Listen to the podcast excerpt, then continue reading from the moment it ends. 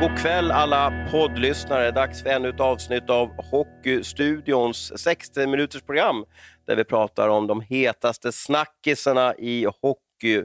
Sverige. Hur mår du Hans Abrahamsson? Tack Thomas, bara bra här faktiskt. Tycker fick lite snö. Eh, man märker att det börjar bli lite ljusare på morgnarna och lite ljusare på eftermiddagarna. Så jag måste säga att det är eh, toppen. En positiv abris. Det här måste ju bli en lysande podd alltså. Ja, men jag tycker jag har varit ganska positiv de sista veckorna faktiskt. Jag försöker att hålla... Vi behöver ju liksom trycka in lite energi i, i eh, Corona-Sverige i de här tiderna och inte minst i Hockey-Sverige. För det är ju lite... Det har ju inte varit kanske den här eh, klang och jubelsäsongen på, på, på läktarna om vi säger så. Så att vi får försöka och eh, smyga in lite energi den här vägen istället. Annars kan jag faktiskt tycka att, att jag har ju pratat med många från Gävle. Man, man pratar med Micke Sundlöv då och då, sportchef i Brynäs. Man pratar med eh, Masken Karlsson, eh, ja, för detta sportchef Leksand, Rögle, legendar i Gävle och, och flera andra eh, Brynäs-profiler. Och jag kan tycka ibland att det finns någonting över Gävle, att det är lite negativt. Lite så här, eh, inte som liksom Norrköping eller, eller Örebro, liksom, det går inte. Va? Men, men, men det är ändå någonting med Gävle att det, det tar emot liksom hela tiden. Är det bara en fördom jag har eller känner du igen den bilden? Nej, men du kanske har en poäng där. Vi får väl ta åt oss av din... Eh, du är ju ändå utomstående och neutral där, så du kanske har en, en poäng där kan ha lagt in mig där också i den, den mixen där med, med, med Sundlöv och, och, och Masken. Men äh, vi får väl försöka skärpa oss lite grann och vara lite mer positiva. Då, så att jag, eh, jag går i bräschen för det. Perfekt, perfekt. Men du Abris, förra veckan skedde ju det som, som, eh, som varit på gång en längre tag och, och vi kanske trodde att den här säsongen skulle bli en sån här hel säsong utan att en huvudtränare får lämna då, på grund av kanske pandemin. Då. Men Förra tisdagen så valde Linköping att entlediga Bert Robertsson. Då. Han fick 78 matcher i Linköping och vann bara 20. Eh, det räckte till slut. De sportsliga framgångarna har uteblivit. Eh, var det här rätt eller vad, vad säger du? Först så kanske jag skulle ha svarat på den här frågan för en vecka sedan. Det är ju lite lättare med facit på hand. Men det jag tyckte redan då och det jag tycker nu, att på rent sportsliga grunder så, eh, så tycker jag att eh, det var fel. Eh, sen vet ju inte varken du eller jag riktigt om det har blivit så att det har skurit sig rejält med, med Bert och ledningen eller med Bert och spelartruppen så att situationen var ohållbar. Men tittar jag bara ur ett rent sportsligt perspektiv så tycker jag det var alldeles för tidigt och, och felaktigt. Och det är väl framförallt Linköping har haft en rörig säsong där med med eh, covid-nedstängningen först och man har haft ett målvaktsspel som väl har varit sämst i SHL där framförallt Rynnes då, eh, som skulle ersätta Jonas Gustafsson inte alls har levt upp till förväntningarna. Så jag, jag tycker inte riktigt att, att eh, det har varit en rättvis säsong heller att göra en sån bedömning. Sen, sen kan vi väl tycka, både du och jag kanske, att eh, att eh, Linköping inte riktigt har lyft med, med, med Bert Robertson som huvudtränare. Man har varit på väg känns det som, men varje gång man har varit på väg så har man fallit tillbaka. Så att jag, jag tycker det var fel. Vad känner du? Men du menar på det att, eh, att eh, det var för tidigt att byta tränare, men ska man byta tränare så måste man väl göra det. Jag menar, halva säsongen har, har ju gått, man kan ju inte vänta när det är tio matcher kvar. Då, då kan det ju vara för sent att få in en ny energi eller en ny luft. Så ska man väl byta tränare så ska man väl göra det ja, senast nu, vill jag påstå. Ja, eller så ebbar ju energin ut då till, till, till ett eventuellt kval, så då kan det ju vara alldeles för tidigt. Då. Men, men du tycker att det var, var rätt? Ja, men det handlar ju om en, någon typ av eh, eh, så grymt resultatbaserad värld som hockeyn lever i. Och Linköping har ju, du har ju din fantastiska poängtabell där, eller, eller snittpoängtabell som du publicerar på, på Twitter. Och de, de eh, är ju det laget som tar mindre än en poäng per match just den här eh, som jag inledde med att prata om, 78 matcher, 20 segrar, det är ju för dåligt. I alla fall som eh, Linköping har för målbild, även både förra säsongen och den här säsongen. Sedan måste man kanske vara mer i omklädningsrummet och lyssna. Vad händer? Eh, ställer spelarna upp för honom? Jag är helt övertygad om att han är en ganska bra kommunikatör, så jag tror att han gör sig bra utåt mot sponsorer och att han, han älskar ju sin hockey. Han, han åker ju ner till Linköping Familjen bor kvar i Skellefteå. Han går all in på sitt jobb, sitter och förbereder, tänker och så vidare. Så att hans professionalitet tror jag inte har fel på. Men jag tror att det är helt enkelt kravet från supportrar, kravet från, från eh, sponsorer att det här är för dåligt, du måste, ni måste göra någonting. Och då, drar man, då byter man ju tränare. Det, det, det, det slår ju aldrig fel, år ut och år in. Bottenlagen byter tränare under säsongen. Man klarar inte av att, att, stå emot, så att det är på något sätt, det går inte att ja, det, det, blir alltid så. Eh, sen igen, man måste vara i omklädningsrummet för att kunna avgöra vissa grejer. Jag tycker att Linköping, kanske laget, är lite felbyggt. Jag tycker att det är lite konstiga Alltså, eh, det är en smältdegel med folk från olika, eh, olika länder, olika bakgrunder. Och jag tror inte att de har fått ihop gruppen. Och Det kan ju göra med också kanske covid-situationer. Man kan inte ha haft eh, eh, teambuilding och man kanske inte åkt iväg på resor och man, man har liksom stävjat det här att inte vara nära varandra. Man går inte ut och fikar efteråt och så vidare. Så jag tror kanske gruppen inte fått ihop och, och, och driver liksom lite framåt. Jag pratade med Jonas Juland efter en match här i torsdags och, och då sa han väl att han vill inte skylla på liksom teambildningen, att den inte hade funnits där. Men, men, men det var bara accepterat. Så var det. att de kanske inte har hunnit med så mycket liksom, tänka på gruppens utveckling. Det var ett långt svar. Ja, nej, men absolut. Och jag skulle vilja lägga till också det här till, till Berts försvar lite grann. Att Brock Little, Linköping var riktigt på gång när hans nyckelben gick sönder. Han är ju kanske ja, topp tre viktigaste spelaren för sitt lag i SHL skulle jag vilja påstå. Var i Linköping förra året också. Filip Berglund var tänkt att vara en typ av försteback i stort sett där Linköping har också varit skadad. Så att, länge och inte tillbaka. Så det gör ju också att Linköping känns ju väldigt tunt på, på, på pappret just nu. Att i det läget då entlediga tränaren tycker jag, nej, jag, jag har jättesvårt att förstå det. det. Det jag hör och det jag kan tänka mig har hänt och det jag blev lite varnad för när Bert skulle in i Linköping är ju att ska Bert vara tränare så är det viktigt att han fokuserar på, på hockeybiten. Så att han inte är med och, och, och tycker och tänker för mycket runt allting, Var vad det handlar om restaurangen eller om det handlar om kansliet eller, eller vad det kan vara. Var lite indikationer på att, på att eh, han har varit med och eh, tyckt och tänkt om, om, om väldigt mycket där, vilket kanske har trampat på några, på några ömma tår där och gjort att situationen var, inte blev hållbar. Sedan glömmer vi kanske också, vi, vi, eh, du pratade om Linköpings säsong med, med eh, målvaktsproblematik och med, med covid. De var ju det laget som kanske drabbades först och rejält, alltså hårdast. Jag tror det var 17 spelare som fick covid samtidigt. Eh, sen har du Jonas Gustafsson, monstret, som, som tog timeout eller, eller ville vara tjänstledig precis innan säsongstart och sen, senare valde att sluta med ishockey. Eh, han var ju tänkt att vara första målvakten. Om det är en spelare man inte vill tappa några dagar innan första nedsläpp så är det den som är uttalad första målvakt. Det är ju en skaplig smäll. Jag menar, tänk dig om, om, ja, om Viktor Fast skulle, skulle sluta i Växjö innan, innan nedsläpp. Där. Alltså det blir ju för alla lag blir det en fruktansvärd kick, eller en, en spark och, och rakt bakåt om, om första målvakten viker ner. Sen finns det en till sak med Linköping också som är väldigt intressant. Att, att samtliga klubbar som du och jag jobbar mot i SHL och även kanske i Hockeyallsvenskan, de har ju en heltidsanställd VD, en klubbdirektör som, som driver laget, eller klubben måste man säga, och tar hand om arbetsmiljön och, och planerar och, och, speciellt den här säsongen med corona. Men Linköping har en kombinerad ordförande och klubbdirektör som är ett styrelseproffs också, som har alltså väldigt många bollar i luften. Och, och är det, jag tror inte att det har varit optimalt den här säsongen när det är så mycket annat som sker runt Linköping. Att då hade man behövt haft ja, du vet, som Mike Hellberg var i många år för Linköping, den här trygga, trygga famnen som, som tog tag i allting. Ja, och det man är lite fundersam på, för vi har ju sett många klubbar som har hamnat i det här sparka tränaren-träsket och, och, och sådär. På, på kort sikt nu får vi se vad som händer, men vad händer också på lång sikt med Linköping? Är man inne i det här? Tommy Jonsson fick gå för ett tag sedan, Niklas Persson kom in då som general manager, anställde Bert Robertsson. Nu får Bert Robertsson sparken. Hur är förtroendet för Niklas Persson efter det här med tanke på värvningar, på tanken, med tanke på rekryteringen av Bert och så vidare? Kommer han också få, få sparken och får Linköping återigen börja om på, på, på ny kula? Och det där, när man är inne i den där snurren så, eh, så går det fort neråt, neråt botten också. Så klarar man den här säsongen så har man säkert tuffa utmaningar eh, kommande säsonger också med tanke på att man hela tiden inte får den här kontinuiteten, inte kan jobba långsiktigt utan gör de här förändringarna. Linköping skickade ut pressmeddelande förra tisdagen. Nu har eh, Linköping spelat två matcher. Eh, man har torskat mot Rögle och man har torskat mot Brynäs. Så att den här eh, snabba effekten på att byta tränare har icke skett.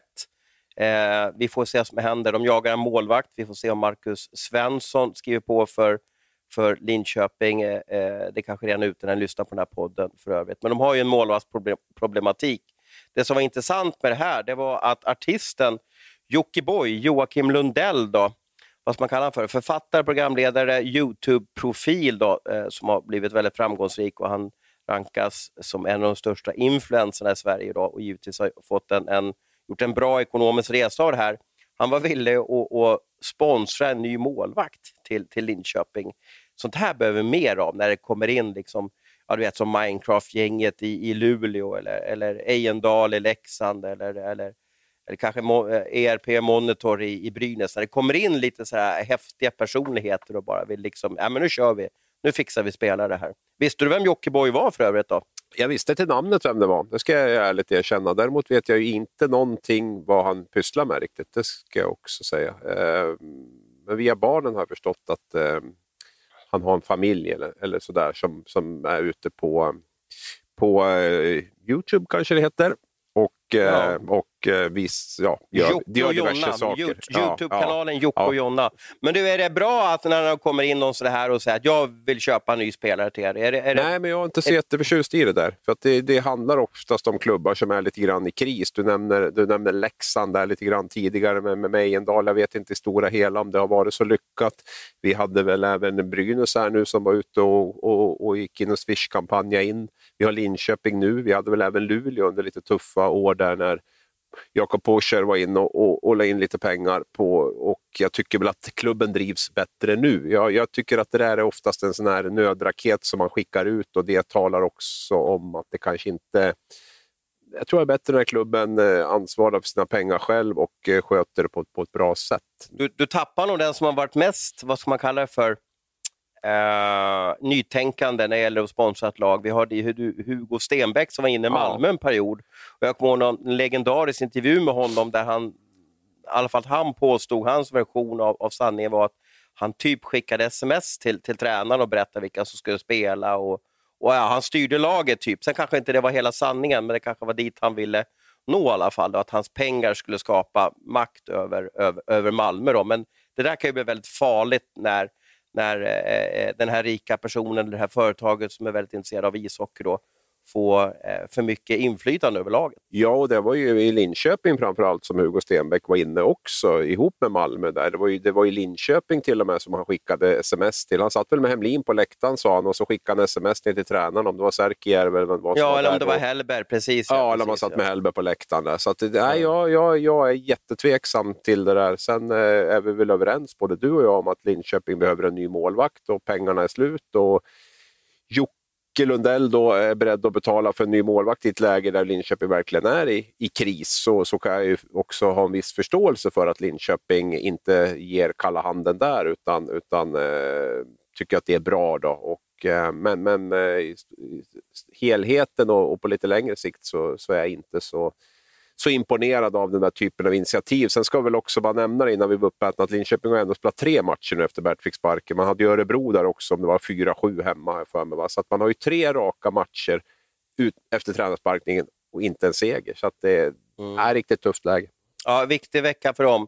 Eh, vi stannar inte där med, med Linköping. Det var mycket Linköping förra veckan. Det blir ju så, och det har jag alltid funderat på. Jag får lite frågor ibland. Jag har fått med mejl om det. Varför Sportbladet, jag kan gissa att även vår andra vår antagonist i kvällstidningsbranschen, Expressen, gör samma sak. Varför vi fokuserar så mycket på bottenstriden i SHL. Men vi gör ju det. Och eh, efter den här matchen mot, eh, och du kan väl fundera lite på det Abel, varför är det så? Varför skriver vi inte mer om topplagen?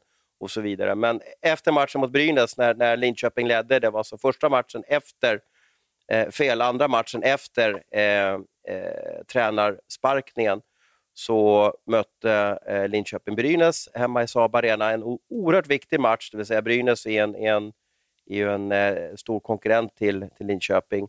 Och, eh, Linköping fick en bra start, men Brynäs vände på något ytterst märkligt sätt och vann matchen. Och under den här matchen, i en periodpaus, så, så brann det till för, för eh, Jonas Junland, Sjörövar-Fabbe kan man kanske kalla det för, i, i, i Linköping. Fantastiskt skägg där. Och han, han eh, ja, slängde eh, junioren Kosmar framför bussen. Där. Han var ganska tuff mot honom vid något, något misstag där som gav en utvisning och sen så gjorde Brynäs mål eh, och så vidare. Och det här var också någonting som blev en vattendelare ute. Eh, det var som en konstnär gjorde en, en, en, fin teckning på det här och, och så vidare. Och Sanne Lindström och Petter diskuterade det här i, i simor studion eh, och sådär. Men vad, måste man inte kunna liksom vara kritisk mot en, mot en kollega eller en spelare? Måste man inte kunna vara det om någon har gjort ett misstag? Eller ska man hålla, sådär, ska man hålla sånt där inne i omklädningsrummet? Eh, I den bästa av världar så ska man ju göra det, tycker jag. Eh, Men ska vi inte visa känslor? Ska vi inte ha Jo, och det var dit jag tänkte komma. Att jag, jag känner att jag ska inte vara den som sitter och fördömer. Ena stunden så sitter vi och gnäller på att det är så stereotypt och det sägs ingenting och spelare är så försiktiga. Och sen så 99 gånger av 100 så hålls ju det här i omklädningsrummet. Sen den hundrade gången så, så går propparna för julnamn och han säger det här. Och om vi då går ut och bara säger att det här är för jävligt och det här ska inte ske och, och det är skit. Ja, hur stor, alltså det kommer ju bli ett ännu större filter bara och jag vet inte om vi vill ha det så, för vi sitter och gnäller att det är så att det, att det är så mycket filter och sen om någon går utanför de här ramarna så då, då ska vi ut och, och, och hänga ut de här. Så att jag, ja, i den bästa av världar ska man hålla det här omklädningsrummet och 99 gånger av 100 sker ju det. Jag menar, det, är ju inte, det är ju inte ovanligt att spelare blåser på varandra. Liksom. Det är ju inte att de är ovana vid det eller att tränare gör det. Ofta, men oftast sker det ju bakom stängda dörrar. Så att eh, Kostbar har säkert fått sina, sina urblåsningar tidigare kanske i omklädningsrum eller, eller på en träning eller vad det är. Så att han är ju inte direkt ovan vid det heller. Sen, ja, absolut, i den bästa av världar så så gör man det här, men vi ska också vara tacksam för att det inte alltid är den bästa av världar, tycker jag. Och Det funkar ju också så här att, att eh, om, eh, när ni kollar på Simor ska ni tänka på att de intervjuar oftast spelare och tränare, alltså från det laget som ligger under eller som har förlorat en match, för där vet de att känslorna är starkare. Man pratar ofta med Junland exempelvis för att man vet att han eh, är känslosam och han är bra på att prata i tv och, och säger vettiga grejer på något sätt. Kanske inte bara kör sarg ut i, i sina eh, kommentarer eller sina intervjuer, utan nu, nu berättar han ju någonting. Han var uppretad på det här misstaget från, från Cosmar och då säger han det. Alltså han har inget filter som gör att det, det stannar där. Och det, jag, jag tycker att vi ska vara tacksamma för det. Vi vill inte bara ha massa robotar på isen eller robotar i, i, i intervjuer, utan vi, ja, vi måste ju ha personligheter, färgklickar och det måste hända någonting varje match tycker jag, för annars blir det ganska tråkigt. Det blir ganska tråkig hockey och det blir, ganska, det blir en tråkig SHL, det blir ganska tråkig Hockeyallsvenskan om det inte, om det inte finns saker att, att, fundera på och diskutera vid, vid fikabordet. Absolut, och jag menar, det ju, kan ju också leda till positiva saker i laget. Nu ska jag kanske inte dra upp det här med Björn Hellkvist och Zachrisson igen, men att man ställer krav på varandra, att man ibland också gör det offentligt. För att Många tror ju kanske att det här är första gången man säger det här, men det kan ju ha varit sagt tio gånger tidigare in i omklädningsrummet om det här med onödiga utvisningar och, och, och så vidare. och så här saker. Så slut så kanske man använder media också som en megafon, eller om det är att det inte är genomtänkt så, men, men att ändå, och det kan ju, för är det lite högt i tak så tror jag också att det kan skapa en rätt bra miljö. Sen tycker jag också att säger man saker eh, som sticker ut så betyder det också att man bryr sig på något sätt. Jag menar, vi hade ju en rätt skön presskonferens med Rönnberg och Penneborn nere i Göteborg och jag, jag tycker inte att alltså, det finns väl saker som jag kan tycka att eh, Rönnberg inte behöver säga där och jag kan tycka att Penneborn borde svara upp på ett annat sätt och så. Men, men just att de i alla fall, de visar ju ändå att, att det är viktigt för dem. Att hockey är viktigt och jag tror det är det som är själva kärnan i det. När, när, när det blir att inte folk bryr sig och man, liksom, man svarar bara goddag yxskaft på frågor och så, då, då tror jag vi är riktigt illa ute. Känslor för mig behöver inte betyda att man håller på att klubba ner folk och liksom slåss för det under uppvärmning och sånt där, utan det kan ju också vara det här att man, man visar att det, att det är viktigt, att man bryr sig. Det tror jag supportrarna framför allt vill, är viktigt för dem också. Den där matchen i Göteborg för övrigt, den, den hade ju en, det var ju andra halvlek på presskonferensen, det var ju en första halvlek också inne i i eh, korridorerna när mm. Rönnberg och Penneborn brakade ihop där lite och Simor var snabba upp med, med kameran och fångade. Jag tror inte de fick med hela sekvensen då, men du vet hur det ser ut där när man mm. går ner på Skandinavium. Ena laget går till vänster och andra går till höger. Det är ju lätt att de, de springer på varandra där och, och du kan ju tänka dig Rönnberg på, på eh, ja, och Penneborn. Och Rönnberg vet ju vad han ska trycka på knappar och det vet ju trän andra tränare mot honom också. Då.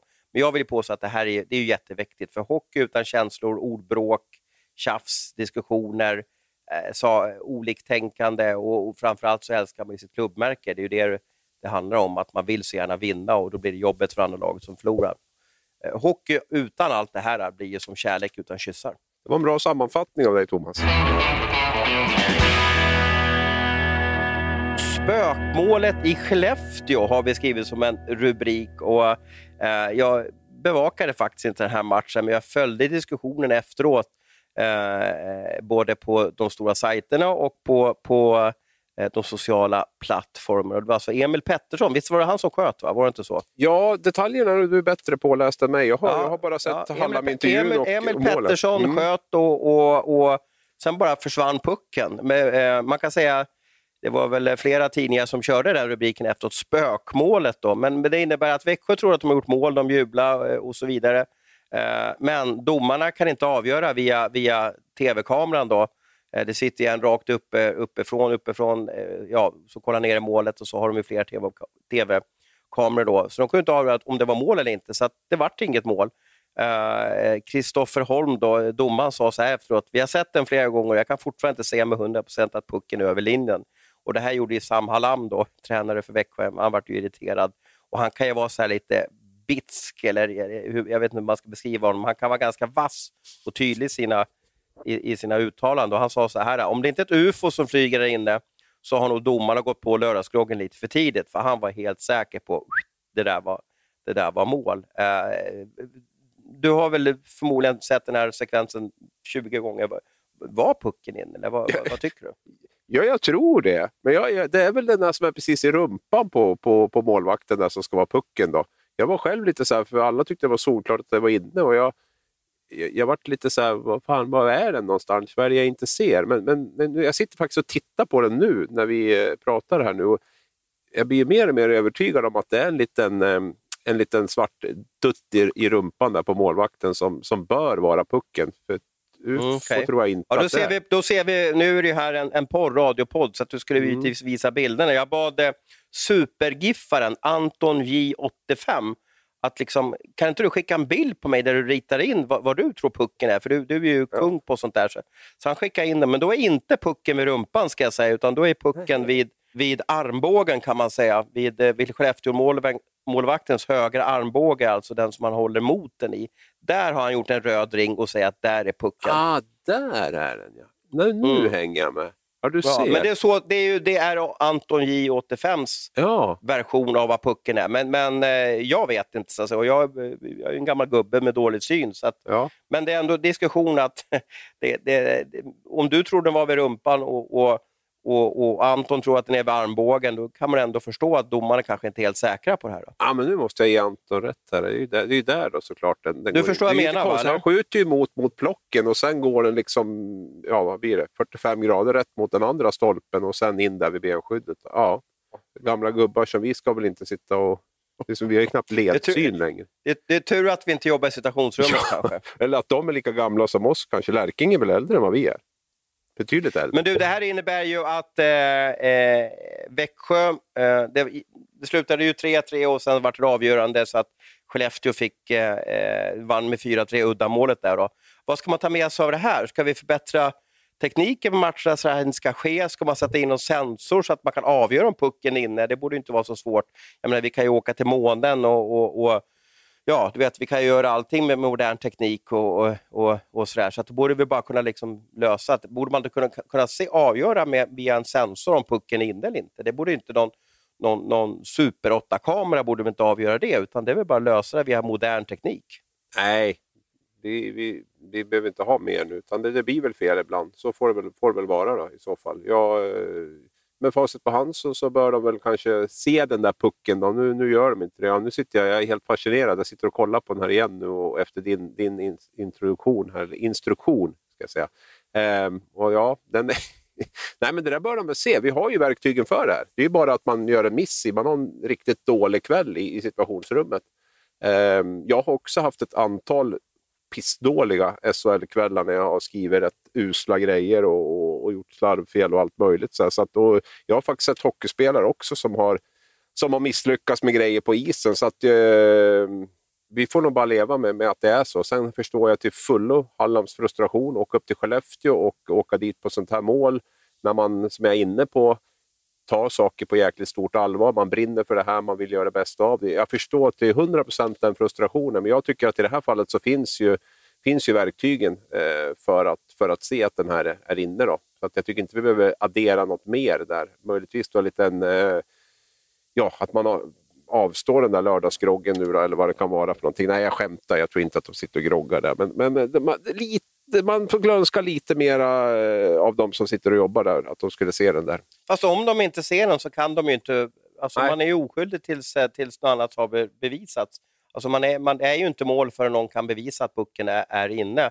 Eh, sådär. Men jag, ja, när Anton J kunde liksom ringa in pucken ganska snabbt så tycker jag situationsrummet borde gjort det också och med hjälp av domarna som sitter i arenan och kollar på någon skärm och så vidare. Så att säga. Men, men eh, ja, det är som det är och du kanske inte tycker att det är så, så farligt, ibland blir det, blir det fel. Jag kan tycka att mål så, så borde man kanske, är det mål så borde man kunna avgöra om det blir mål 2021. Alltså så långt borde vi ha, borde vi ha kommit. Sen kanske skitsamma om man missar en hakning där ute eller någonting sånt där. Det kanske man inte ska haka upp sig på.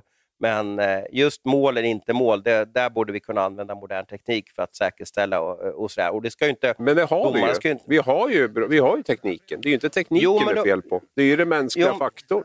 Ja, fast tekniken ska ju hjälpa oss att berätta att det är mål. Alltså, det, ska vara, det ska ju vara, det ska ju vara liksom en, en grön signal som tänds. Ja, pucken mm. var innanför mållinjen. Mm. Och det fanns tid kvar på matchklockan. Punkt slut, inget tjafs. Att säga, liksom. Såg du det nya initiativet i Schweiz där med dubbla mållinjer? Ja, jag såg det. Så, för ja, ibland visst. kan ju vinkan lurade, kan ju luras folk alltså när, man, när, man är, när, när kameran är kanske inte helt rakt uppifrån. Den kan ju inte vara helt rakt uppifrån heller, för då ser man ju inte mållinjen. Då. Men ja, det är som det är i alla fall. Och nu är det ju, som tur är det ju här två lag som inte tampas om att behöva kvala neråt. Eh, det här är ju två lag som kanske kommer komma topp 6 i slutet, ja, definitivt Växjö kommer göra det. Men vi tänker att sånt här spökmål, då, älskar, älskar det namnet för spökmål, om det hade skett för exempel om, för Linköping om, om tio matcher, de tampas och kämpas att ta sig förbi Oskarshamn, Brynäs eller HV. Och sen gör Önerud mål och sen blir det, ja, nej vi kan inte avgöra att det är mål. Och så hamnar, eh, eh eller fel, Önerud, Önerud är ju HV71, vi säger att Junland eller eller Peppe Lund någon gör mål och så kan de inte avgöra att det, blir, att det är mål och sen så hamnar de i kval om en sån grej. Den hade varit väldigt tragisk. Ja, absolut. Sen är ju frågan om ska man få ha svarta, svarta dräkter på sig då? För det försvårar ju jobbet för de här också. Hade han haft, eh, inte haft svarta byxor och, och svarta revärer på tröjan så hade man kanske lättare sett om pucken var inne. Då. Men eh, ja, det kan ju också bli... Eller så börjar vi spela med en rosa puck sponsrad ja. av Sportbladet. Ja. Så har vi löst den situationen också. Absolut. En puck som talar om när han är över linjen kanske inte. Ja, eller det bara piper till. Ja, du vet, ja. Alltså, det modern teknik. En puck som det, kan prata. Det... Ja, precis, precis. Rätt med matchstraff är nästa rubrik och det här var ju en match som, som du var på Abis, visst var det? Du var på den här Eh, Brynäs, Djurgården i, vad ska jag säga, nu blir man lite dagvild här. Var det i lördags den matchen var? Eller när var den? Ja, nu är vi ju inne i rätt dagar med helgdagarna borta, så nu börjar jag, till och med jag få ordning på dagarna. Det var i lördags. Det var och det här är ju vanligtvis en supermatch, mitt under jullovet eller, eller eh, vad man ska kalla för, jo men det är väl jullovet. Brynäs, Djurgården, klass, kanske det mest klassiska mötet av, av, av alla SHL-matcher, eller elitseriematcher vill jag kanske påstå utan publik, jättetråkigt. Men, men vad var det som hände i inledningen? Det, det small bokstavligen direkt. Mm, fyra minuter in så eh, fick Rhett Rakhshani eh, matchstraff. Busen, busen ja, ska man kalla precis. buse? Stortacklaren mm. som, eh, som inte ligger i ta tacklingstoppen i, i SHL under sina säsonger. Däremot oftast ganska högt i poäng, poängligan. Eh, ja, ville väl få till en aggressiv inledning där och varit lite hårdhänt i ryggen på, på Greg Scott som eh, också comebackade efter eh, två månaders frånvaro och kanske inte var lite ringrostig också kanske i att vara beredd på, på saker som, som händer på en hockeyrink. Han har ju knappt spelat den här säsongen, han har haft dubbla knäskador. Han gjorde tio matcher där i höstas i alla fall, någonting, tror jag, eller lite drygt. Ehm, och skott flög in i sargen, Morgan Johansson och Marcus Linde konfererade ett tag. Ratchani först utvisningsbåset men fick sedan besked om att det var färdigspelat, fick fem minuter. Eh, Brynäs klippte in tre mål i det efterföljande powerplayet och sen var det väl i stort sett över. Du sa någon gång förut att du skulle sluta tycka om, om, om tacklingar. Står du fast för det eller, mm. eller kommer, du ett, kommer du ett undantag nu? Eller? Ja, nej, jag står fast. Nej, jag, jag, kan, jag kan absolut tycka, i det här forumet kan jag tycka. Däremot ska jag försöka hålla mig undan sociala medier kanske och tycka om tacklingar. Eh, det gjorde jag nog inte heller. det, blev, det blev ju en vattendelare. Alla ja, djurgårdare ja. tyckte att det där var ju liksom Fia mm. med knuff och alla Brynäs tyckte att det var lås in, lås in eh, Rakhshani i tio år ungefär kan man säga. Jag, jag, ja, och det som, var mest, det som var mest uppmärksammat med den här episoden var väl kanske ändå Robert Olssons rätt frispråkiga intervju, intervjuer, ska vi väl säga, både på presskonferensen men också i Simor efter första perioden där han kallade Skott för både ohedlig och eh, förstärkare. Och det är ju inte så vanligt eh, att den typen av... Man har ju någon sån här tränarna pratar mycket, Roger Rönnberg senast, att fokusera på ditt lag så fokuserar jag på mitt lag. Och det där är ju, funkar ju inte alltid så bra. Men Olsson var ju väldigt förbannad på, på, på skott. Och, eh, det är väl kanske inte den spelare som jag förknippar mest med att förstärka händelser och ohedligt spel om man ska vara helt ärlig under de här åren i, i SHL. Så därför var jag väl lite förvånad att han, att han gick på som, som han gjorde. Och, eh, jag kan väl se det på tre, alltså i tre olika sätt. Jag tycker, som jag skrev direkt, så tycker jag att Rakhshani ska aldrig sättas i den situationen. Han ska aldrig riskera det där. Han har inget att vinna på det där. Han, jag vet inte om han har vad tanken är med det där. Han är ju inte ute efter att vinna puck i alla fall, utan han kör på skott. Eh, skott, som jag sa, var borta två månader, kanske inte helt van vid matchsituationer. Eh, den andra och sen den tredje då tycker jag är domarna. Eh, vi har ju varit inne på det här tidigare i podden under hösten, att jag tycker det har gått inflation i matchstraff. Jag tycker det blir för mycket matchstraff för väldigt enkla grejer där man ställer till det lite för sig själv, domarna. Tycker man skapar en obalans i matchen också. Nu var Djurgården förbannad på det hela matchen i stort sett. Kanske till och med gav Brynäs någon, någon billig utvisning för att kompensera upp och så vidare. Man hamnar i en väldigt konstig situation med det där. Jag tycker 2 plus 10 hade ju varit klockrent i den situationen. Jag tror liksom Djurgården hade köpt det Brynäs hade också köpt det och sen hade man haft en... Och det är också ett rimligt straff tycker jag. För det är ju inte... Jag tycker inte riktigt det är den kraften och jag tycker att det finns vissa förmildrande omständigheter också i att skott står som man gör. Eh, vad känner du?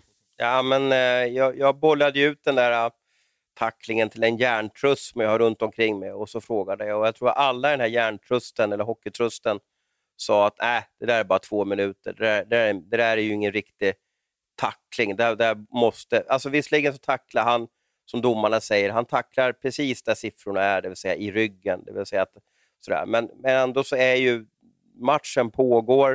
Eh, det är, eh, eh jag menar, Scott har spelat hockey i många år.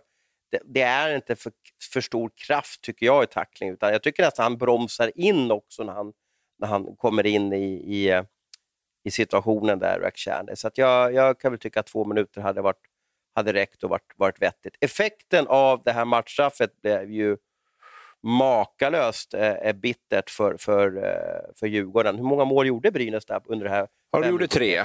De gjorde tre. Och tre där, stycken? Ja, tre stycken. Uh, och det är också en... Alltså, all heder till Brynäs powerplay. De är ju de är ett bra powerplay-lag. De gillar att stå still och spela och där är de skickliga. Um, men sen uh, Djurgården jag tror, jag tror minst lika mycket frustrationen från Olsson är över hur dåligt de spelar i boxplay där i Djurgården. För jag tror det är någonting, det sa ju Olsson också var, på, på, min fråga, att var det någonting de hade scoutat inför matchen så är det ju Brynäs powerplay och så, och så gör man rätt dåligt, eller väldigt dåligt boxplay skulle jag säga. Man ska släppa in tre mål. Hur bra de andra laget än spelar så, så ska du liksom max två mål under en sån där eh, och det är ganska stor skillnad på, på två eller tre mål där också. Få, få, på det där. Så jag, jag, tror, jag tycker att Djurgården hade kunnat sköta det där mycket bättre trots att man blir hårt straffad. Och hårt straffad blir man ju ibland i matcher. Det drabbar ju alla lag. Vi pratade om Halland nu sist med Växjö, vi pratar med Djurgården nu och det finns andra lag definitivt som har, som har fått saker emot sig. Och det gäller att kunna hantera dem också för att du får alltid tillbaka de här sakerna förr eller senare under en säsong också. Va? Så det gäller att vara stark när det här händer reda ut det och sen, sen gå vidare. Och det, det misslyckades Djurgården med i den här matchen och då, då, där, där tappade man ju också stora delar av den. Eh, sen blir man ju tunn med Holtz borta, Eklund borta, Dick Axelsson borta och så Rakhshani också borta. Då, så att det, man har ju inte så jättemycket offensiv kraft kvar då egentligen heller. Det, det, en, det en diskussion efteråt. Eh, hur, hur, ofta har det hänt att man gör tre mål under en fem minuters powerplay? Jag, jag har ju en känsla av att jag tycker att det sällan blir mål under fem minuters powerplay bara för att det laget som har möjlighet att spela med en man mer eller två man mer på något sätt går ner i tempo, att det blir inte den här liksom fokusen. Men här, här smällde ju Brynäs in tre mål. Hur ofta sker det? Eh, klev domarna.se in och, och, och, och styrde upp eh, statistikdjungeln här? Eller fick du något svar på om det är vanligt? Ja, ja absolut. Ja, han gör ju det som, som, som vanligt, våran, våran vän. Och det, rekordet är fyra mål som Luleå gjorde mot fyra Växjö. Mål. Om det var 2017, tror jag. Eh, men det, vi talar ju också om att tre mål är väldigt ovanligt. Jag håller helt med dig att det, det ofta inte blir något mål alls. Och blir det ett mål så blir det här fenomenet som du eh, pratar om tycker jag nästan lite ännu mer uppenbart. Att då är man lite nöjd. Nu har vi gjort vårt mål, nu, nu, nu drar vi, så sjunker tempot. Så att det är inte jättevanligt skulle jag vilja säga att man gör två mål ens på, på en fem minuter. Och att det blir tre mål där, det är ju, det är ju inte bara Brynäs förträfflighet långt därifrån. Utan det handlar ju också om att jag tycker Djurgården eh, Nej, men hockeymatcher består av liksom hinder och, och gupp på vägen som man måste hantera och försöka klara av och reda ut. Och Sen får man bättre perioder i matcherna där kanske motståndaren straffas på ett eller annat sätt och då gäller det att hugga då. Men, men eh, jag tycker Djurgården har mycket sig själv att skylla också i det här. Och sen, sen ja, jag brinner ju lite grann för det här med, med det här med tacklingen. Vi har ju fått den här jag tycker inte heller om det här när motståndaren kan stå en meter från sargen och, och skydda pucken. Alltså det, det, det är eh, Innebandyrumpa? Ja, innebandyrumpa. Jättebra uttryck. Eh, och där egentligen är förbjudet att, att, att, köra på för att man flyger in i sargen och, och ansvaret ligger på den som tacklar. Men, men det är ju inget som händer nu i, i lördags, utan så har vi ju haft under en, en lång period. Och det försökte, den diskussionen tog jag också med Robert Olsson, att jag menar, det, här är ju, det här är ju där vi har hamnat. Och det, det är, ser du siffrorna så pass länge också som Rakhshani gör, det är ju inte att Scott vänder ryggen mot strax innan han kommer fram, utan han, han har ju gott om tid att avbryta den här. Och då, då det, det, är möjligt att han lockas in lite i den situationen, men, men det är ju inte heller ovanligt under en, en match att spelare försöker vinna fördelar i vissa utvisningssituationer och sådär. Någon skulle slänga sig medvetet med munnen in i sargkanten, det har jag jättesvårt att se faktiskt. Så att, eh, nej, jag, jag, lite, jag tycker det är tre lite olyckliga omständigheter som gör att det blir en, en ganska ja, det blir ett dåligt utfall av det. Men, men, att det var så illa som, som, eh, som Olsson vill säga, det tycker jag inte. Känslor, det var ju precis det vi vill ha, eller hur?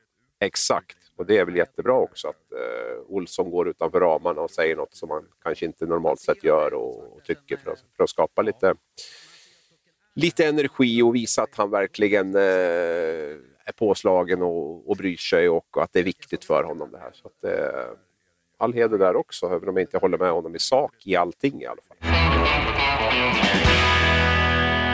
Ja, vi försöker alltid ha med någon rolig nyhet eller någon silly rykte Och idag så får vi lite uppgifter från, vi får in lite röksignaler från eh, Vätterns södra strand att det är på gång någonting med, med med Filip Sandberg där. Vad, vad, vad, hur tolkar du röksignalerna? Ja, vi har ju grävt lite grann i det här och eh, ja, vi, vi, får ju signaler om att eh, Rögle uppvaktar Filip Sandberg och gärna ser honom i laget eh, nästa säsong. Det finns ju en ganska tydlig koppling där också. De var ju guldpolare ihop, Rögles sportchef Chris Abbott och eh, Filip Sandberg som gjorde sin absolut bästa säsong i karriären det året, 2017, när, när HV71 vann guld. Eh, Chris vet ganska mycket vad Filip går för, vad han är bra på, hur han måste matchas för att, för att, för att vara bra och så vidare och eh, ser en väldig, väldig uppsida i, i honom också. Så att, eh, mm, det, blir, det blir spännande att se för att eh, Sandberg har ju inte haft Eh, Eh, tufft har jag haft efter han kom. Eh, lite misslyckad NHL-försök, en enormt tuff skada när han kom tillbaka, en magoperation som tog, eh, ja, tog bort resten av den säsongen och även förra säsongen tycker jag att man såg tendenser på att han var märkt av den. Men har kommit igång rejält nu de här sista 10-15 matcherna för HV och var en av lagets absolut bästa spelare skulle jag vilja påstå. Och tänk dig det här om vi backar bandet tio år tillbaka, att en spelare skulle byta från HV, alltså supermakten HV, till Rögle. Det hade ju inte funnits, men, men det är ju så som den nya kartan är, att Rögle har ju tagit stora steg och blivit en klubb där man märker att man utvecklas och, och blir bättre. Det är ju en jäkla skillnad nu. Vi, vi ser Seider, hur, hur, vilken utveckling han har fått. Leon Bristedt väljer Rögle och så vidare. Va? Eh, det, det har, har, blivit en stor förändring och det tycker jag är lite kul att det inte är som det alltid var förut, att man, man går till eh, ja, Modo, Leksand eller, eller Brynäs, man kallar för, och så väljer man Frölunda, Färjestad, Linköping eller HV någonting, eh, eller Djurgården. Så nu är det lite annorlunda tider så att det blir jättekul.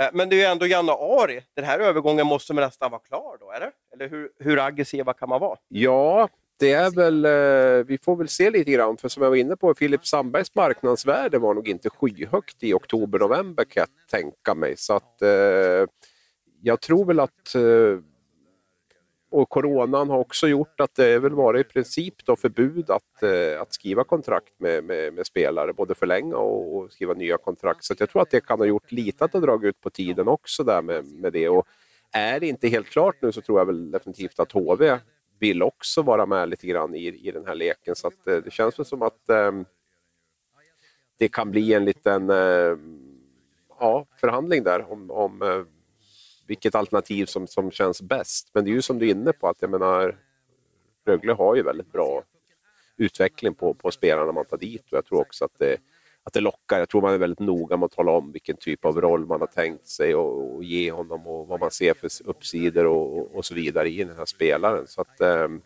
samtidigt vet ju Filip Sandberg har ju varit i HV länge och, och ända sedan juniortiden, liksom hockeygym och sådär och har väl också ett eh, stort hjärta för klubben där. Så det, det, är nog inte, inte enkelt, men hockeymässigt så är det som du är inne på. Det, jag, tror, jag tror Rögle lockar väldigt, väldigt mycket där och eh, framförallt så så är det ju en klubb som inte alls är lika rörigt i just nu heller som, som det är i Jönköping.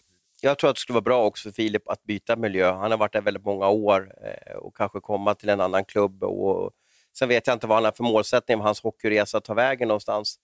Eh, jag vet inte om han är sugen på ett nytt äventyr i NHL eller om han siktar på att spela några år i, i KHL, om han har, får, får en rätt eh, alltså ut, utväxling på sina offensiva spel. Jag, jag vet inte riktigt vad han har för för tankar. Eh, sådär. Men spännande. Jag älskar när, när liksom så stora profiler, som man ändå är för HV71, han har varit många år där. Jag tror han till och med var lagkapten för juniorlaget eh, när han var där.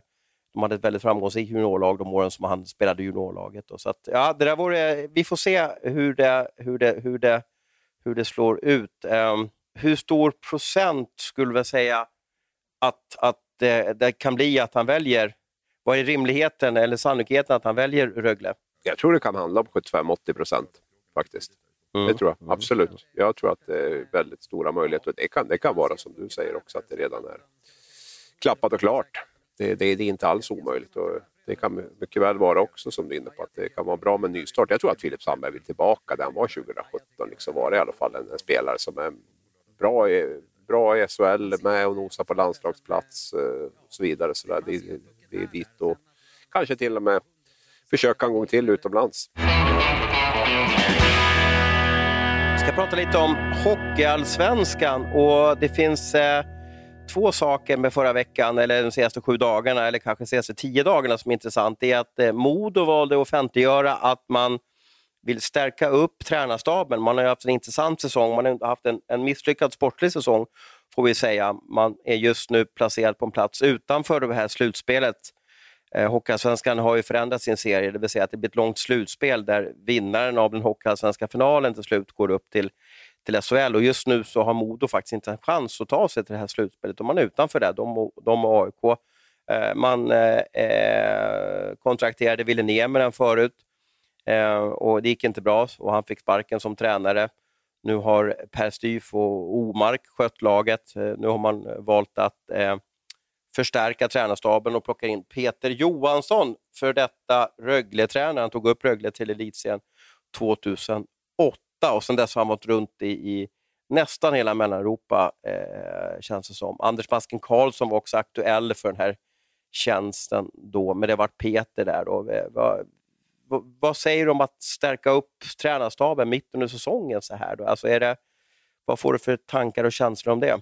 Nej, jag ser väl inget problem med det eller fel med det. Jag är väl för tre tränare i, i båset trots allt. Eh, exklusive målvaktstränare då, som något enstaka fall står där också. Men så att, så att Modo har ju gått på Omark och Styf då, sen, sen Emil fick sparken. Att man nu eh, vill fylla på med ytterligare ett namn, det, det ser jag inga konstigheter med. Sen, ja, jag blir lite, blir lite förvånad kanske att man väljer Peter Johansson här. Och, ja, jag ser ingen riktig koppling eller, liksom, eller röd tråd eller liksom att något så här som man känner att oj, nu kommer han in och ska, ska göra det här liksom, eller styra upp det här eller, eller liksom bidra till det här i Modo. Så det, det, det förstärker väl min känsla av att Modo är lite grann så här, det är ett, det är ett skepp på, på öppet hav som mest bara flyter runt för det kommer nog det kommer något beslut här och något beslut där och, och jag, jag har haft dåliga vibbar egentligen ända sedan i våras. Jag, jag tippade Modo sjua inför säsongen och det tror jag var ganska lågt jämfört med många andra och det, det, det, det, har varit min känsla hela tiden att det här, det här kommer inte att bli bra. Den har väl, den har väl förstärkts ytterligare under, under säsongen naturligtvis, under hösten. Så det, nej, är... och, och, jag håller med dig, det är lite exakt samma sak. För, första vart jag så här att de ganska sent efter att Mouchamen ville ner med den började leda, oj, nu behöver vi ha en assisterande tränare och, och även är det en assisterande tränare man behöver eller en ny huvudtränare man behöver. Och ska verkligen Modo, ska inte de försöka liksom ta någon femårsgrepp eller treårsplan att inom tre år ska vi upp i SHL? Nu känns det som att nu blir det Styf Omark Johansson som ska sköta den här säsongen. Sen vet jag inte hur långa kontrakt de har, men, men jag vet inte. Jag hade kanske liksom spelat ut den här säsongen och sen försökt att sikta på på sikt. Det jag hör om Peter Johansson när man du jobbar väl säkert på samma sätt, att man drar ut sms och så försöker man få lite input från folk som, som känner hockeyvärlden. Det är att han är kanske ingen Perra Lustekurre, förstår jag menar? Va? Ja. Han är en ganska seriös, mm. seriös person som liksom kanske inte gör, eh, drar practical jokes eller drar, drar Göteborgsvitsar i, i omklädningsrummet. Och jag skulle nog påstå att det kanske är det Modo behöver. Någon som gör att man får ett garv i vardagen och, och, att det kanske släpper, att man inte blir så livrädd att göra misstag och så vidare. Så att i, i, i sådana där lägen så kanske Perra är ett smartare val att få in en god gubbe som har förmågan att, att vara lite polare och schysst mot spelarna. Ja, alltså så Modos problem är ju så komplext. Jag kan köpa din liksom så här om man har ett ganska bra lag och, och så kan det vara, som inte riktigt kommer loss så kan det vara bra att få in en, en, en god gubbe och, och sådär.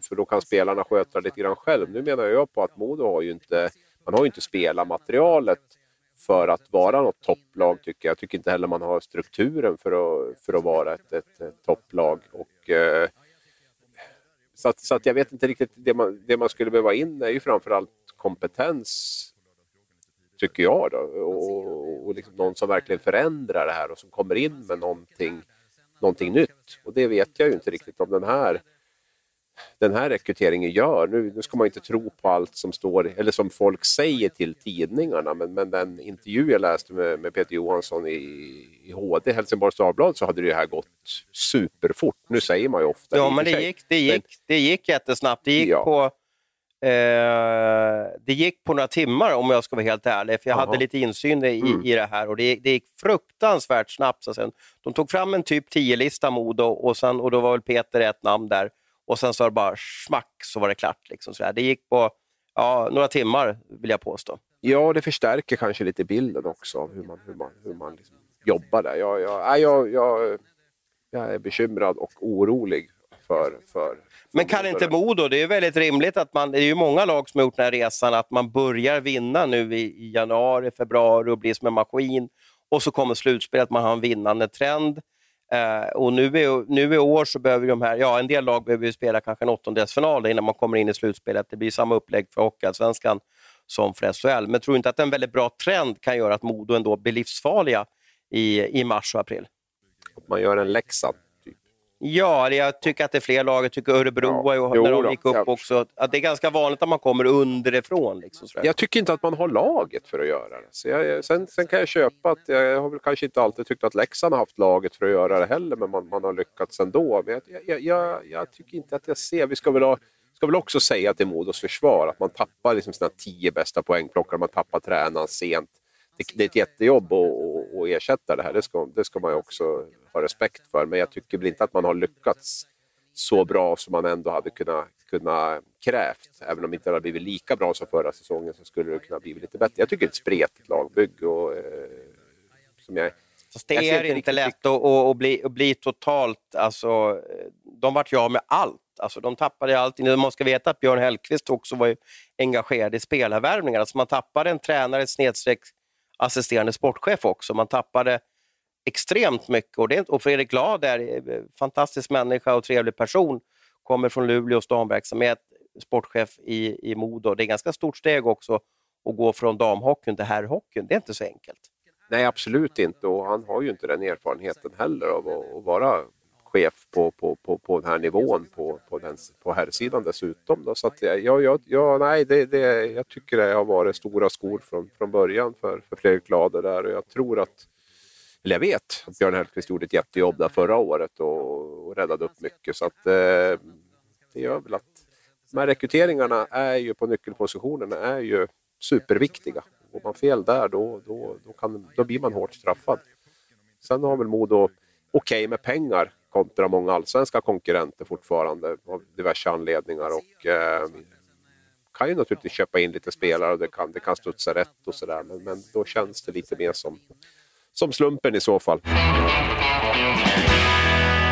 En annan klubb i Hockeyallsvenskan som berör och har väldigt många supportrar ute och, och eh, nu har ju de här haft, om man ska kolla över hela säsongen så har de en väldigt positiv säsong, inte som i fjol då, men det är ju, det är ju Björklöven då. Eh, de startade alltså den här säsongen med att vinna tio, eh, tio första matcherna på säsongen, vann man. De har börjat prata om nu ska de slå nytt poängrekord och så vidare. Men sen så har de bara de har bara dippat totalt. Eh, eh, och är, vad ska man kalla för, sista tio matcherna om jag räknar rätt, om man gör någon formtabell så, har de, eh, så är de på en elfte plats. Vad händer i Umeå? Ja, vad händer i Umeå? Man funderar lite grann på det. Nu har de ju haft covid-stängt här också i sju, åtta dagar. Det känns som att alla lag har haft det, så ja. man kan inte skylla på det. Nej, nej, men om man tittar på senaste matchen här nu mot Mora då, så, så kommer man väl direkt till den och man kan hitta lite förklaringar i, i eh, att man kanske var lite, inte riktigt inne i, i matchtempo sådär. Fredrik Andersson borta, SL borta, målvaktsstrul hela säsongen stort sett. Det tror jag är en ganska stor anledning med, med just det här med målvaktsbiten har ju strulat. Sen, sen är det väl bara att konstatera att jag, jag är tveksam till det här med Wallson och Urban Lahti. Får de verkligen ihop det här? Känns det harmoniskt? De här tio första matcherna, det känns lite som att Björklöven red på förra årets framgångsvåg när man vann dem. Sen när det kom in i lite, lite mer vardag så har det ju egentligen inte sett jättebra ut någon gång skulle jag vilja påstå. Utan det är, eh, det är lite, det är lite sådär... Eh, nej, det är något som inte, som inte känns så bra där. Sen, sen vet jag inte med det här heller. Björklöven har ju haft ett jäkla publikstöd. Eh, man har en fantastisk publik där uppe i, mm -hmm. Umeå. Ja, du tänker så ja. ja. Jag tycker inte jag ser någon energi och det är klart att det drabbar ju alla lag. Det är ju inget lag som har, som har uh, publik. Va? Men om man tittar i allsvenskan så har jag svårt att se att det är något lag som har mera hjälp på hemmaplan än, än det Björklöven har. Och det kan naturligtvis vara en, en, en, faktor, men det får ju inte vara en faktor för det är väl troligtvis så här det kommer att se ut hela, hela året. Så där måste man i så fall jobba på andra sätt för att, för att få in energin. Vi får väl se vad, vad det här slutar med i alla fall. De ligger ju topp fyra i, i serien så att det är ju ingen fara på på taket ännu. Och sen har ju Per Kenter, då, eh, sportchefen i, i eh, Björklöven, värvat in Eronen, en skicklig, skicklig finsk back. Vi får se vad han eh, eh, för med sig och sådär. Jag skulle också påstå att det är lite mentalt också. Va? Eh, det är inte så lätt den här säsongen att motiveras och, och tänka till. Och, så, då, och då får vi veta också att det, det Björklund var med om, det var ju den här match, förra matchen mot Mora för övrigt också, som, där de blev misstänkta för att liksom nästan ha lagt sig och sådär. Liksom sådär. Det, ja, väldigt speciell säsong för dem.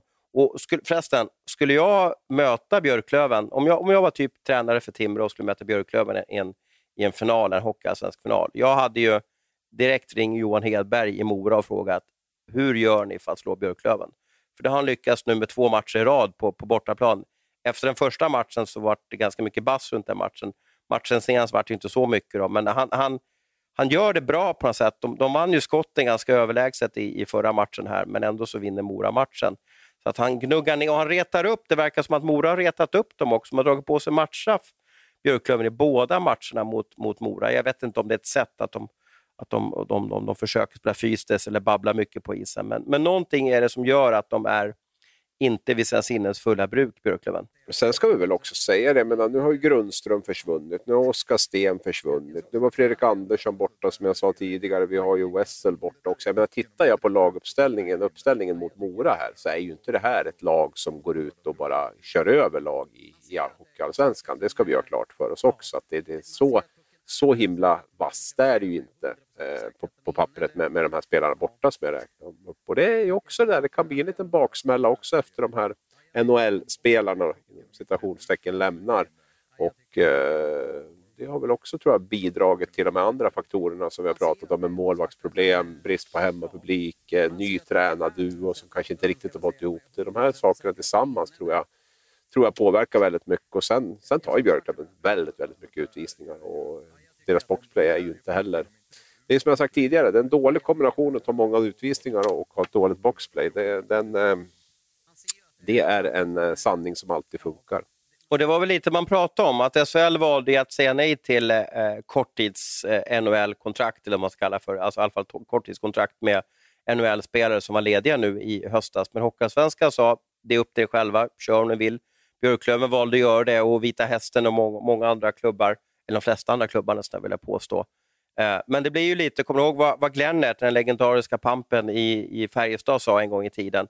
För när han pratade om de här, om de skulle ta in NHL-spelare under lockouten 04-05 tror jag var, då sa han så här att ta in NHL-spelare, det är som att, att kissa på sig. Det, blir, det är skönt i början, men sen blir det bara kallt och, och, och jobbigt. Och nu kanske Björklöven är inne i den här perioden när det är kallt och jobbigt, det vill säga att man ska förändra sitt powerplay för att alla spelare inte är där och gruppdynamiken är si och så där, för någon spelare har inte fått vara med förut och nu får han vara med när stjärnorna åkt hem och så vidare. Så att, eh, det kan ju vara en miss att man valde och, direkt bara skjuta in en ölspelare för det var ju så jäkla trevligt i höstas. Jo, samtidigt gjorde ju Timrå samma sak och har hanterat det väldigt bra. Så det, det, det, det, är nog inte, det är nog ihop med, med, eh, med deras, de andra problemen som jag var inne på så, så, så kan det bidra. Men, men, i en fungerande verksamhet som exempelvis Timrå varit den här hösten så då har det ju fungerat alldeles ypperligt att fasa ut Bokvist och Isak Lundeström därifrån och ändå fortsätta och och vinna. Så att, eh, men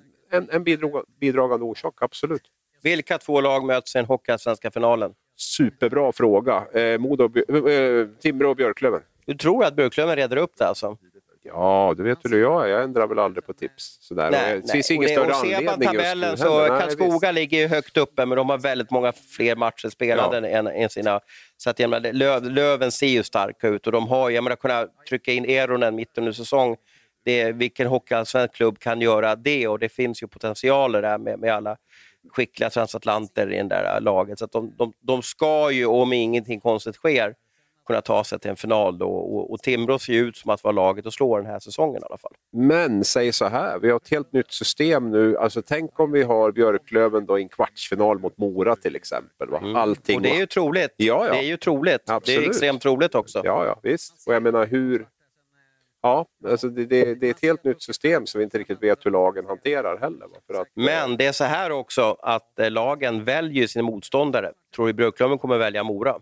Nej, det behöver de inte göra, men det kanske finns... Då blir, då blir det här välja som vi varit inne på tidigare, att det ger det extra energi då när, när, när, när Björklöven tvingas välja. Många av de här lagen avskyr att behöva välja motståndare för att man, man ger liksom energi till, till de som blir valda. Då så. Så det är inte, det är inte säkert att det heller... Fast Hockeyallsvenskan testar ju det och det kan ju bli intressant att se. Vi ser att, att, att Timrå, vad de nu väljer, och sen är det dags för Björklöven att välja.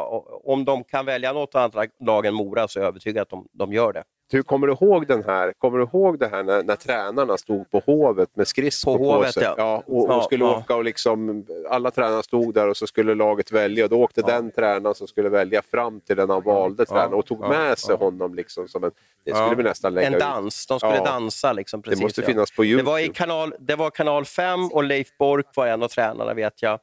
Det var, jag vet inte om de tog bort den här valproceduren efter ett år. Jag gillade den, jag hade inga problem med det.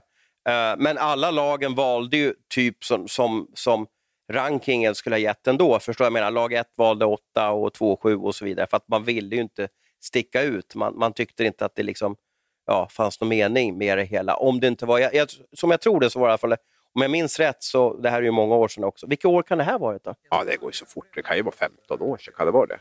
Jag vet inte ens vad jag, jag vet att, Jag vet att jag såg Bork på skridskor, han åkte ja. och stapplade där och, och, försökte liksom hitta vem han nu ja. kramade om, om det var Pelle Morts eller någonting sånt där. Jag vet inte. Liksom då. Vi måste leta upp den. Det är en sån här grej ja. som... Är, kanal 5 var det i alla fall, mm. om det hette Kanal 5, det var de som sände det vet jag i alla fall.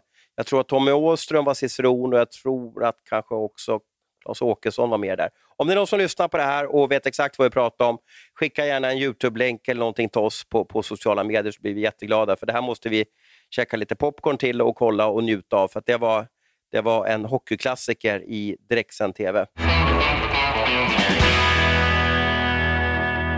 Jaha du Abris, då börjar vi nästan bli klara för dagen. Känner du dig nöjd och, och är dags att gå vidare och, och kavla upp ärmarna och ge dig ut i, i, i det, snösmockan kan man väl säga. Det har väl kommit över en dess i Gävle om jag förstått rätt. Ja, här krävs det, vi ska komma två meter här innan vi kallar oss snösmocka. Vet. Så det är, mm. nej, men jag är lite, jag är lite besviken på att vi inte har tagit upp den här eh, bästa mitt i säsongen-värvningen. Hinner vi städa av den på två minuter? Ja, eller? ja men det kan vi göra. Absolut. absolut, ja, absolut. Jag gick och grunnade lite grann på den där. Vilken har egentligen varit den bästa eh, värvningen mitt under säsongen nu sedan serien startade? Och, eh, Alltså jag, jag, jag, kan inte komma runt Andrew Calof ändå. Alltså det, det, det är kanske tråkigt att gå bara liksom på poäng och så här, men alltså han, det är bara Rivik som har ett bättre poängsnitt än, än, än Calof. 21 poäng på 19 matcher. Jag tycker han passar så bra in i Växjö. Jag, jag kan ju se att Calof kan komma lite till korta. Han är en ganska mjuk spelare. Han är inte så där, liksom, inte det här tempostarka direkt och sådär. Men, men, i Växjö blir det som att mm, det är som sån här um, är som kaffe och mjölk ihop lite grann. Han, han, han är som klippt och skuren för Växjö Hockey och de vet precis hur de ska använda honom och han, och han vet precis vad, vad de vill ha ut av honom och sådär. Så att nej, tipptopp och billig var han ju dessutom. Han hade aldrig spelat så billigt och då vet jag att när han kom till Skellefteå så var han extremt billig då när han kom, kom dit som från college har jag för mig att det var han kom. Mm, lite oprövad och extremt trevlig person i alla fall. Ja men det är bra namn. Jag satt också och funderade lite på vem jag skulle ta och jag vet inte om den jag kommer nämna nu liksom kan kallas för mitt i säsongen-värven. Det var, det var snarare liksom precis i början av säsongen, säsongen-värvning. Och jag vet om att du och jag jagade på den här nyheten och vi var precis bara skulle trycka på play och köra ut den och, och så kommer vår, vår antagonist på den andra kvällstidningen och hinner precis före oss. Då. Och det jag tänker på det är ju Morris Sader då, som signade med Rögle, mitt under säsongen i alla fall. Och så där. Men jag vill påstå att han, han var eh, har blivit enormt bra för, för, för Rögle. Jag tycker han har gjort det eh, fantastiskt hittills. Jag såg eh, hans andra match som han kom. Eh, jag vet inte om de vilade honom någon match de gjorde, men jag tror du såg första matchen, mm. Brynäs-Rögle. Mm. Jag såg andra matchen, Leksand-Rögle och jag tyckte han redan då, trots att han typ knappt spelade någon match på, på nio månader, jag tyckte han redan då dominerade och nu så tycker jag han dominerar ännu mer. Alltså han är, visst är han junior fortfarande? Visst är han det? Va? Ja, ja född 01. Ja, ja. ja. Han är alltså junior, född 01 och jag tycker att han kan dominera i många matcher. Spela över 20 minuter per, per, per match, gjort 17 poäng som back på 24, 24 matcher och hans underliggande, ja det vet ju du, att den är väl helt magisk om jag, om jag mm. förstår mm. alla eh, eh experter på sånt, att de, de, de, de, de hyllar honom enormt. Men det, var han godkänd som mitt i säsongen? Ja, det är ju topp toppnamn. Det är ju snudd på bättre än mitt. Jag får väl liksom säga, jag får liksom köra en sån här lögn och säga att jag lämnade över den till dig för att eh, vi inte skulle ta samma. Så att, eh, nej, men eller, eller, så gjorde, eller så gjorde du den här klassikern på SHL, att när du tryckte på statistik, att du glömde ta med juniorer. Nej, inte så kanske. Däremot kanske jag glömde att ta med lån typ, eh, under, under okay. säsongen. Så han är ju ett lån från Detroit. Vi, vi, vi, vi, vi nämner också Christy Sosa, tycker jag. Eh, så inte vi får Luleå-maffian efter oss. Också en, en, en billig spelare som verkligen har kommit igång här och som verkar trivas med eh, Lugano-Linus. Eh, och, och sådär, va? Så att han eh, ah, eh, gjort det bra tycker jag. Står ju för mycket av det Luleå vill ha med det här hårda jobbet och, och men samtidigt kan göra tuff nog att ta sig in i de här områdena där, där man gör de allra flesta målen i, i hockey numera. Nu kan vi inte babbla mer. Vi har Nej. passerat långt över en timme. Är det dags för oss att sätta på oss Teletubbies-overallen eh, och ge oss ut i snön och leka lite och ploga. Eh, tack för att ni lyssnade. Eh, vi gör det här för er och vi tycker att ni är jätteviktiga. Ha en underbar dag nu.